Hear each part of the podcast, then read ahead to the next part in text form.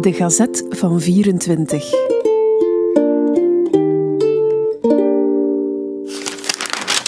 ...19 februari 1924.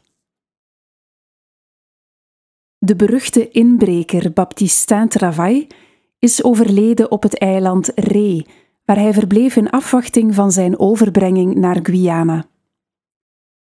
Tot zijn stoutmoedigste bandietenstreken behoren de plundering van de Indische sneltrein toen deze in het open veld was blijven stilstaan op het onveilig zetten van een signaal door een handlanger van Travail.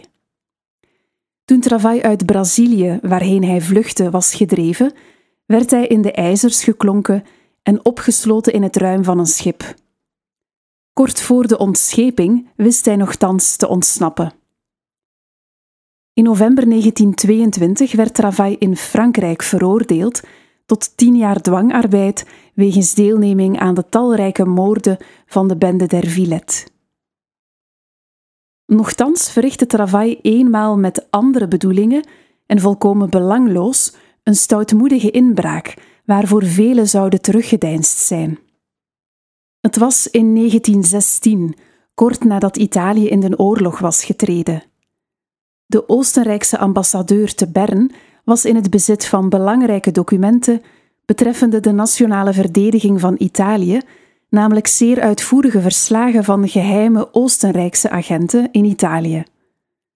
De ambassadeur koesterde niet de minste vrees voor een mogelijke diefstal van deze documenten, die hij inderdaad, tezamen met 250.000 lieren, had opgesloten in een brandkast voorzien van een helse machine welke moest ontploffen wanneer de brandkast werd opengebroken.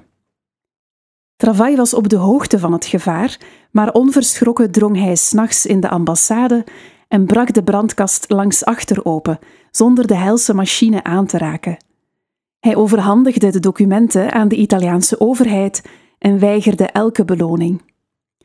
De Italianen konden nog tijdig een offensief inzetten, dat de plannen van de Oostenrijkers verijdelde.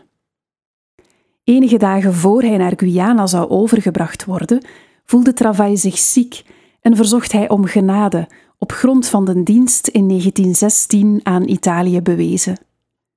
Naar het schijnt was er veel kans dat die genade hem zou verleend geworden zijn, ware hij niet gestorven.